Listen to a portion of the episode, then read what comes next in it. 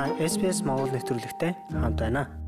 You know I love you baby more every day. За сайн байцгаана сонсогчдоо өнөөдөр гэгийн хайрын Валентины өдөр болж байна. Энэ өдөрт зориулаад бид нар нэг онцгой зочдыг үрсэн Австралид амьдардаг монголчуудын хизээний танил магадгүй найз шиг санагддаг нэгэн гэр бүлийг оролцуулаад байна.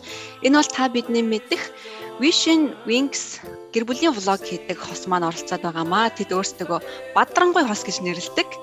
Шагаа заяа хоёр урагдаад байна. Сайн уу? Баярын минь төргий. Сайн уу? Баярын минь. Сайн байна уу? Баярын. За баяраа тэмдэглэх гой төлөвлөгөө гаргасан уу? Валентины өдрийн төлөвлөгөө байна уу? Ер нь төлөвлөгөө гаргацсан байгаа. Тэгээд тэсий хийж ин да. Nice. Өнөөдрийн дугаараа би хосуудыг хамтдаа суугаад сонсоосоо гэж хүсэж байна. Ягаад гэвэл бидний өнөөдрийн сэдв хайр.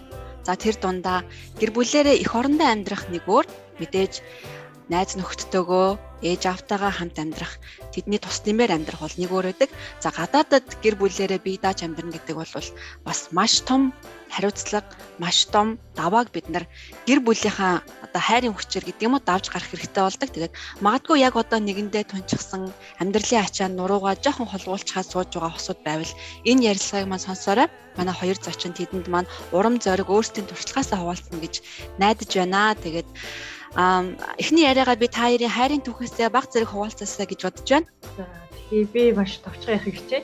За бид хоёр болохоор нэг 10 жил маашаа маа доод ангийн үгэн байсан. Би дээдлийн ангийнхан охин байсан. Тэгээд яг 10 жил байхад л ерөнхийдөө маашаага юу мессежэнд бичдэг гэсэн. Тэгээ би шагаач болохоор 10 жилдээ гайгүй од байна гэдэг гэсэн. Би болохоор 10 аа.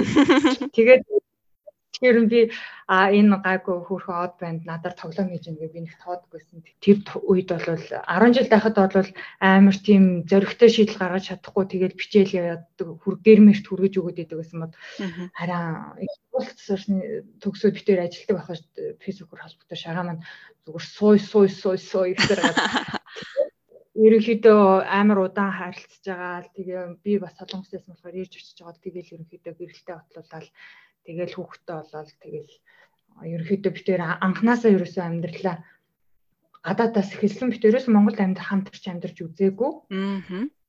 тийм хоёр хүн байна.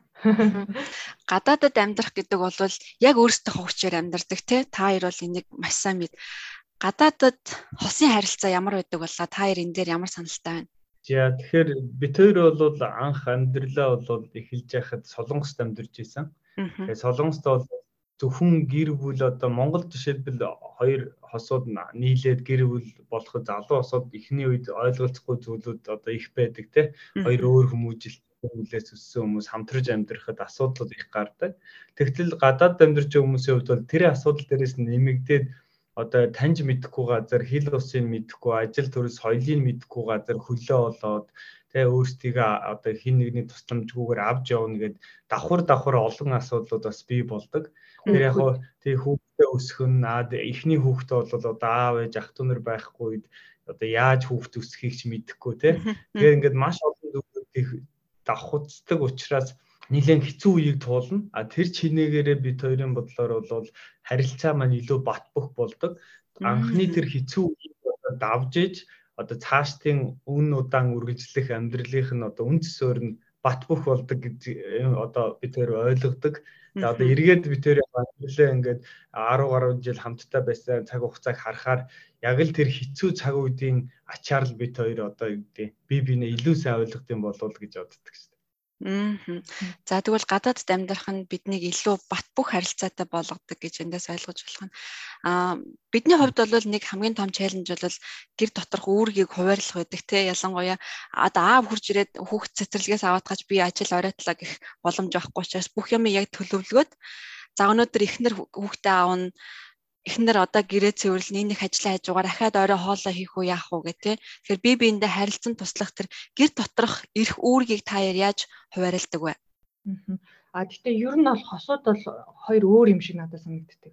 Яаж хэдийн наснд амьдралаа эхэлснээс жишээлбэл хоёрын хувьд бол залуу наснда суугаад хүүхдтэй болцоосон учраас хоёр болохоор эхний үедээ болохоор санхугаа авч явахаас гадна гэр бүлийн харилцаагаа ингээд тогтнуулж одоо юу гэдгийг бит хоёр тэр тэр үедээ илүү их анхаарч одоо бат бөх болохт нь илүү анхаарад хамтдаа үзүүлсэн.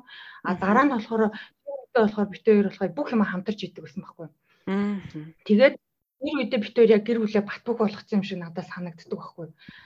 Залуу үедээ а зарим хүмүүс болохоор эхлээд нөгөө нэг хүнтэй суугаас өмнө карьераа босгочхоод тэгээд дараа нь гэр бүлээ ингээд тэрэндээ анхаардаг ч юм уу тэгж явдаг хүмүүс байдаг бол битээр болохоор эхлээ гэр бүлээ бат бүх болгосныхоо дараа а битээр одоо хувийн бизнес юм уу карьертэй ингэж одоо нэг нэг нэгээ дэмжих маягаар ингэ явж байгаа хгүй.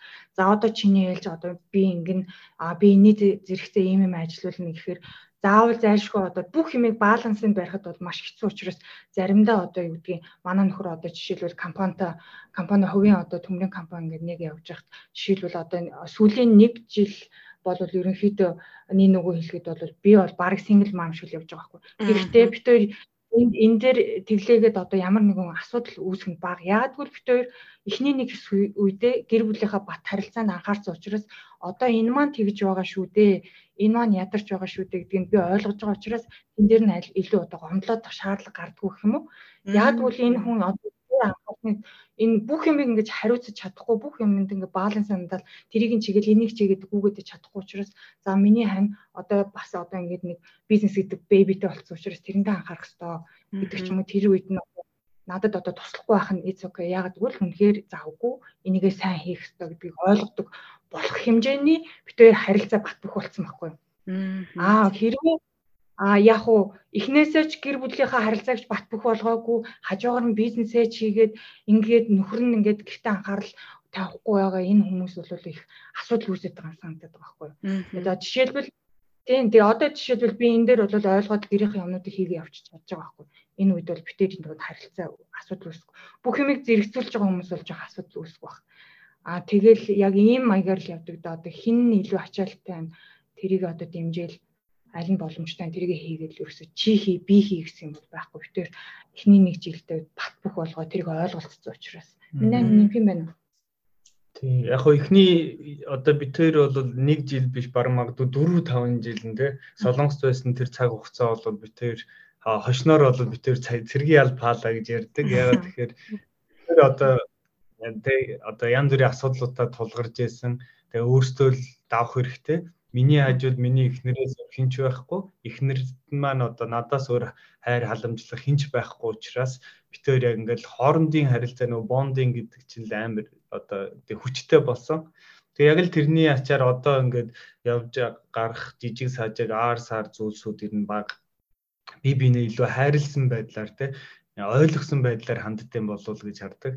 Аа заяагийн хэлсэн single mom шиг амьдардаг гэдэг үг бол надад бүр амар зүрхэнд ингээд тусч ийн л та. Яг гэвэл Австральд бол нэг давуу тал нь бид нэр гэр бүлээрээ ирж амьдрах боломжтой байдаг. Тэгвэл нэг тал сул тал нь гэвэл dependent visa-тай хүмүүс бол бас сурах боломж бага ажил хийх цаг хязгаартай болох тэр яг л ар гэрээ авч үлддэг те. Тэгэхээр тэр нь хвчлээ ээжүүд хүүхдээ хараад гэртээ үлддэг нь тэдний хувь сэтгэл зүйн маш их одоо уналтанд ордог нэг тийм үе байдаг юм шиг надад санагдаад байдаг байхгүй эмэгтэй хүнийхээ хувьд за яаж энэ үеийг яаж давдаг вэ? Одоо яг үнийг хэлэхэд бол би яг тэр үе дээр явж байна. А гэхдээ нэг хэсэг бол би болгоно бүтээн гэж ингээл явдаг байсан.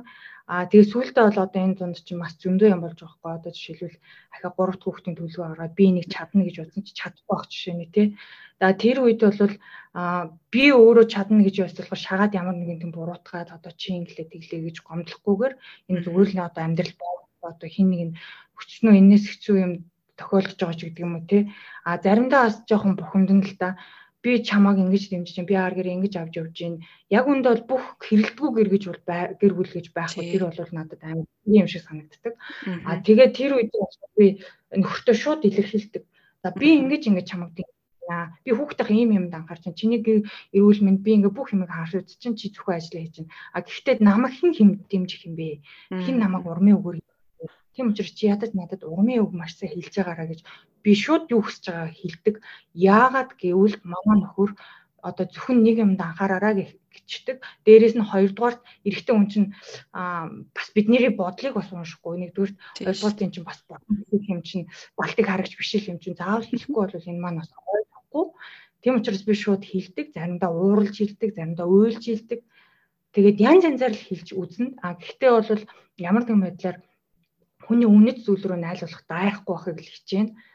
Тэр нөгөө юу руугаа дайхгүй байхыг л хичээнэ. Гэхдээ бол ер нь бол бас үзээтэй л жилээ дээ. Үзэлцэн үзэлцэн тэр чинь бас амьдралын нэг хэсэг юм шүү.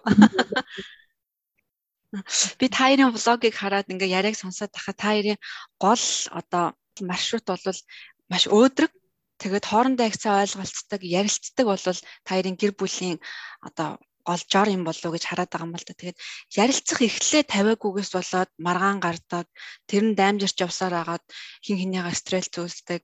За магадгүй бүр гэр бүл салт болж төгсдөг тохиолдол олон байдаг л да. Тэгээд энэ ярилцах гэдэг одоо зуршлыг гэдэг юм уу?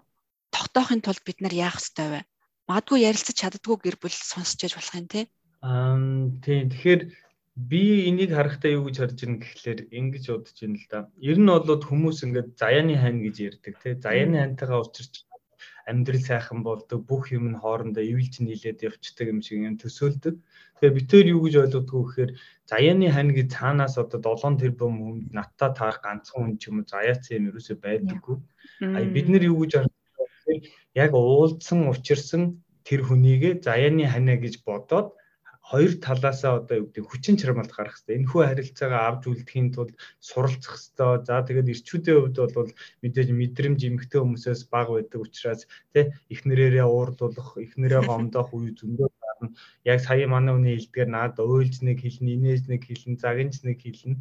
Гол нь тэр болгонд яах вэ гэхлээр угаасаа энэ миний заяаны байна. Би энэ хүнтэй насыг барна гэд хоёр дахь сонголтгүйгээр хандсан хүмүүс бол хоорондоо ярилцаад эхэлдэг байдаг. Ягаад тэгэхээр би энэ хүнээс өөр хүн рүү очихгүй надад илүү дээр хинч олдохгүй энэ хүн надаас илүү хүн олдохгүй би биендээ энийг ойлгоцсон үед бол яаж одоо харилцаагаа авч үлдэхүү гэдэг л ганцхан бодол үлдэхээс биш би энээс салчвал яах вэ гэх мэд одоо хоёр дахь бодол байхгүй болчвол ярилцахаас өөр аргагүй байдалд орно. Тэгэхээр битээр бол одоо нэг насыг хамтдаа өнгөрөөнө гэдэг амлалтаа бол маш эрт хийцэн учраас яг л яаж эвлэрэх вэ? Дандаа л асуудлыг яаж шийдэх үү гэхээс биш энэ асуудлаас яаж зогтох вэ? Инээс салчуул яах вэ ч юм уу те. Тим яриа, тим одоо муудалцсан бол битээр гаргадаг. Тэр бүх зүйл маань одоо жилүүдэд маань тохиолдоо те би чамаас сална мална гэдэг муудалцаан болоод аль эхний 1 2 жил болоод өнгөрцөн зүйлс. Тэгээ би тэр нэг зүйл дээр одоо хоорондоо юу гэдэг санал нийлсэн юм ерөөсөө за хоёлоо ахиж хизээж салах тухай ярихгүй. Одоо чи битээр үүр дөхүү хөтлөө хамт амьдрна. А тех тэр хүртлээ одоо харилцаагаа яаж авч явах вэ? Асуудлуудаа хэрхэн туулах вэ? гол анхаарах зүйл маань энэ гэдэг дээр санал нийлцээ явж байгаа. Тэгэхээр магадгүй тэг ярилцаж чадахгүй хүмүүс тэрийг ойлгох хэрэгтэй.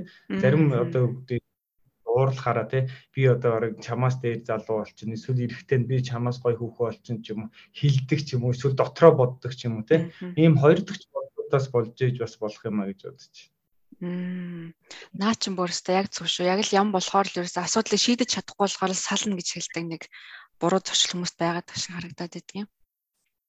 За бид нар бол Австралид амьдарч байгаа гэдэг утгаараа одоо хоёлаа Австралид гэр бүлээрээ амьдрахын сайн тал болоо сул талын тухай ярилцъя. Та хоёр Австралид одоо хэдэн жил амьдарч байгаа вэ? Австралид гэр бүлээр амьдрахын сайн талыг та хоёр юу гэж хардаг вэ? Бусад одоо улстай харьцуулахад те та хоёр Солонгост амьдарч байсан туршлагатай хүний хувьд Одоо бид хэдэн жил амьдарч байгаа юм? 6 жил болох юм да. 6 жил болох чинь Солонгос битээр бас яг 5 6 жил амьдарсан. Тэгээ яг хуу энд харахад бол амьдарч бас яг хуу за ядаад гэр бүлэрээ байхад нөгөө бие биендээ бас цөөхөн цаг ажилладаг болохоор солонгосыг бодвол за Монголыг бодвол ямар ядаад хөгжрийгээд байхгүй болохоор илүү гэр бүлтэй цаг гаргана. Хажуугаар нь бас хурж боловсрох одоо юу гэдэг одоо бид нар чинь ингээл өхөө хөлөөс сурах учраас одоо битэрийн хувьд бол байнга л одоо энэний хажуугаар энэ цаг гарвал юу хийх вэ? Энэний дараа юу чи юу сурах юм, би юу сурах юм, энэний дараа юу сурах юм ингээл битэр байнга ярьдаг. Тэгэхээр энэ бол битэр илүү солонгосыг бодвол одоо өдрийн 13 4 цаг ажилладаг байснагаа бодвол үнэхээр их тийм гэр бүлдээ цаг гаргах боломжтой юм шиг санагддаг. Ядаад болж байгаа байхгүй. Гэтэл солонгос ч битэр чинь шагаагч чинь сарын 2 удаа л бит хоёр хин хин 2 2 удаа л амрах хэрэгтэй гэдэг гэсэн.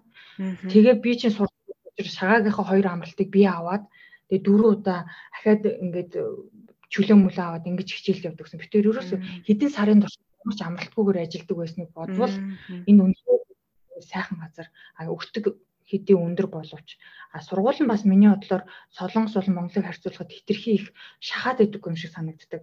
Илүү тийм хүүхдийг нэг стрессэнд оруулахгүй хийвэл хий хийхгүй л хийхгүй тэгэл it's okay гэл ингэдэг нь одоо айгүй амар санагдсан. А сул тал нь сайн тал нь гэвэл одоо эрүүл агаар эрүүл хүнс байна. А тэгээд нөгөө бас нөгөө гол нь нөгөө боловсрал гэхээсээ илүү бас мэдрэмжтэй болгох тэр хүн болох тал дээр нь илүү анхаард юм болов уу гэж бодоод байгаа байхгүй би. Тий яг миний ань үг. Хүүхдийн хувьд бол ер нь тийм л дээ. Онлайн мэдлэгээр шахахаас илүүтэйгээр хүн өөрийгөө олж таних, юунд дуртайг нь олж илрүүлэх те. Тэр талаар нь илүү анхаарсан. Тэгээд тоглонгоо ингээд хичээлүүдийн заадаг гэх мэт хүүхдийн сургуулийн хувьд бол үнэхээр давуу талтай. Тэгээд манай хүн сая ерөнхийдөө хэлчлээ. Солонгос бол үнэхээр цаг наргүй ажилдаг ийм орн. Дэлхийд ч гэсэн одоо нэг workaholic team хүмүүсээр алдартай. Тэгэхээр нөгөө дээрэс нь жоох стрессний хувьд бол бас өндөр. За тэгээд солонгос хүмүүс маань өөрөө тийм амар тийм төвчээртэй одоо энэ австрал хүмүүс шиг ийм хүмүүс биш те. Одоо хүргэлт хүргэлт нь удах юм бол ууралдаг, дургуутслаа илэрхийлдэг. Гэтэл анх одоо Австрал дээрээ Uber-т яваа те хоол зөөж яхад ингээл 20 30 минут болчингод би ингээд сандраа за очихоор нөгөө хүнстэй орилж чачраад алах байхтай гэж анх авчаад өгөхөр юу ч болоогүй юм шиг баярлаа гэж авчдаг. Тэгээ би өөрөө барыг токонд орж исэн ийм амир тайван хүлээцтэй байдаг юм уу гэд. Тэгэхээр магадгүй бас соёлын тийм одоо хүлээцтэй баг стресстэй ч юм уу тиймэрхүү давуу талууд Австралид бас их байгаа ах гэж бод. Ярилцлага маань яг одоо Австралид ирээд удаагүй байгаа осууд сонсч иж магадгүй те ер нь бол ингэж ярьдаг шүү дээ. Эхний 2 жил бол бид нар тасан зохицох гэж яг 2 жилийг зарцуулдаг. Энэ үе дотроо явж байгаа хоцуудад та яар юу гэж зөвлөх вэ? Тэгэхээр яг хуу битэрийн хувьд бол нөгөө солонгост тийм их ажиллаж байгаа те тийм нөхцлөөс ирсэн учраас Австралид ирээд деважин шиг санагдчихсэн те хүмүүс нь 3 цагт ажланд хардаг гэхээр нь битэр дараа нь тэгээд энэ хүмүүс юу хийдэг ингэж асуусах. Тэгэхээр нөгөө юу гэсэн үг ингэж ажилд харчлаа гэдэг. Солонгост бол тэрний орой болтлаа 2 дугаар ажиллаа хийн ингээд ийм байдаг. Тэгэхээр магадгүй шууд Монголоос ирсэн залуучууд байх юм бол хийж байгаа ажил чинь хэцүү санагдах ч юм уу тийм зүйл гарах юм бол яг үнэндээ тийм биш ээ. Энэ үнэхээр амархан, үнэхээр сайхан газар те. Үнэхээр одоо өөрийн чинь байгаа нөхцөл байдал хамгийн муу биш гэдгийг нэгдүгürt ойлгох хэрэгтэй. Тэгээд байгаа зүйл талархаад урам зоригтойгоор явах түнсэж за би хүний нутагт ирчлээ хэцүү ажил байна ядар чинь зүдэр чинь те ингэх юм бол энээс дор нөхцөл байдал дэлхий хаасаагүй байгаа тэгэхээр хитрхи бас өөрийгөө өрөвдөөрөө тэгэхээр гоё ирч хүчтэй. Хамгийн гоё боломжтой газар ирчлээ гэдгээ бас ойлгоод ажиллаж одоо амьдралынхаа төлөө зүтгэхээсэ гэж хүсэж байна те. Аа тийм. А бас тэгээд нөгөө яг анх ирээд бол соёлын ялгаанууд байгаа учраас тийм одоо амар сэтгэл мэтгэл гэж хүн амтнаас хүлээх хэрэггүй. Зүгээр л профешнл яг хийх ёстой ажлаа хийж тэгэл инээмсэглээл тэгэл А тэгээд дээрэс нь би хэлэхэд бол бас нөгөө муухайгаар хэлбэл бүхсэн хамгаалах юмнуудаа байнга хам хийж явах хэрэгтэй. Би энийг одоо тэгсэн яг ингэсэн гэсэн нэг тийм байх ёстой шүү. Тэгээд хоорондоо хэцүү юм тулгарх юм бол ажил энэ төр дээр юм тулгарх юм бол би эндээсээ ярьж гараа дотроо ингээ хуваахгүй яваад ах юм бол яг бас анх ирээд өөр тийм ажил хийж байгаагүй шууд сургуулаа төгсөөд ирсэн хосуудад бол жоо хэцүү магадгүй. Тэгээ сайн бие биендээ ярилцаараа тэгээ үнэхээр бүх зүйл давуу болон сул тал байдаг гэдгийг хэцүү үедээ энэ бол зүгээр нэг хэсгэн зургийн үйл явдал гэдгийг энэ бүгд өнгөрдөг гэдгийг бас санаарай гэж дүү нартай юм уу анх ирсэн хүмүүстэй хэлмээр байна. Тэгээд ахин нэг юм нэмээд хэлэхэд яг Монголоос ирж байгаа хүмүүс маань баг зэрэг нөгөө эго ихтэй байдаг те нөгөө Монголд гоё ажил офисын ч юм уу хүн болго өөр өөр юм мэрэгжилтэй хүмүүсэд бид нар ч адилхан өөр өөр байцгаас нь тий. Тэгээ ирээд ихэнх одоо хүмүүс маань барилгын ажил хийдэг ч юм уу нэг гараанаас эхэлдэг.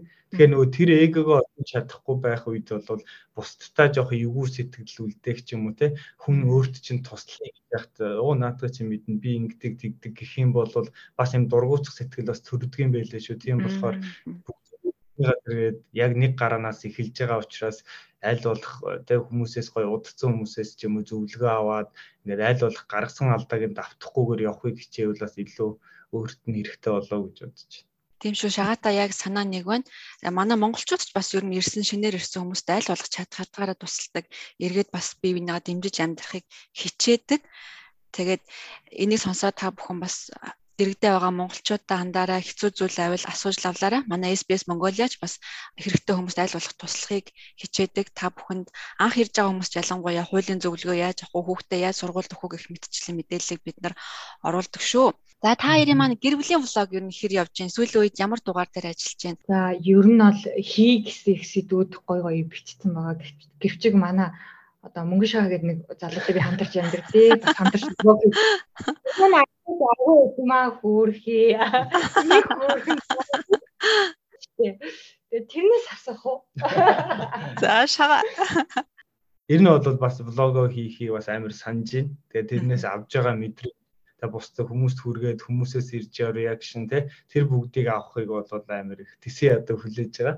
Тэгээ бас жоохон ингээ хүмүүсийг хүлээлгсэн энэ бол нөгөө бас ховын нөгөө нэг ажил эхлүүлээ тэрэндээ завгүй байсан. Сая манай ихнэр бас хэллээ шүү дээ те энэ бол ганц им ээж шиг амьдрлаа гэд хэлж байгаа нэг цаагаараа бас юм хэлээ. Нэвтрүүлэг нэвтрүүлгээр далимдуулаад 14 юм юм нэхэд байгаа юм үү? Шагаа нэлээ завгүй байгаад ах шиг байна. Хувийн бизнесээ эхлүүлсэн ингээд сая ярьлаа. Ямар бизнес эхлээд байна? А би болохоор яг бусад одоо Монгол залуучуудын адилаар барилгын салбарт ажилладаг. Тэгээ Монгол хүмүүс бол агентур зангидах гэж ярьдаг тийм. Тэрэн дээр одоо Австралийн хуулийн дагуу одоо компани байгуулад эхний том прожект аваад 820 аялал орон сууцын ийм том ажил эхэлсэн явж байгаа. Тэгээд нэлээд эхний ажил учраас дээрээс нь нэлээд том ажил учраас а дээрээс нь ковид үетэй холбоотой нэг ажиллах хүчний дутагдал зөндөө байгаа учраас өнгөө 10 11 цаг байнга мурц цагаар ажиллаад жоохон цаг зам муутай байгаад байсан. За, өстой гоё мэдээ шүү. Надад чинь нэг монгол хүн ингээд бизнесээ эхлүүлээд амжилттай явж байгаа сонсоход мэдээж таатай байна. За, тэгээд энэ удаагийн ярилцлага маань цаг өндөрлөж байна урилгыг мань хүлээж аваад маш сонирхолтой илэн далангуу ярилцсан та хоёртай баярлалаа. Цаашдын гэр бүлийн амьдралд нь, бизнест нь, бүх зүйлд нь сайн сайхан бүхнийг хүсье өрөөё. За баярлалаа. Тэгээд энэ гоё ярилцлаганд сурж оролцсон маш их баярлалаа. Тэгээд цаашдын ажил үйлсэд нь бас амжилт хүсье. Олон хүнд бас мэдээлэл өгч тусдын болдог шүү. Баярлалаа. За баярлалаа. Сайхан баярлалаа. За баярлалаа. Баярлалаа.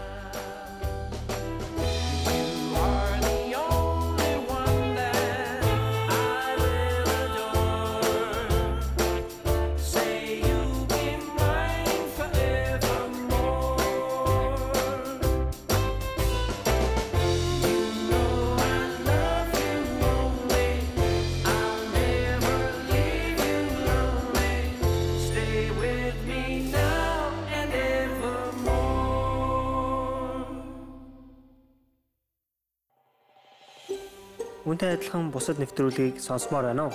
Apple Podcast, Google Podcast, Spotify эсвэл та өөрийнхөө сонсдог апп ашиглан манай нэвтрүүлэгтэй хавд байгаарай.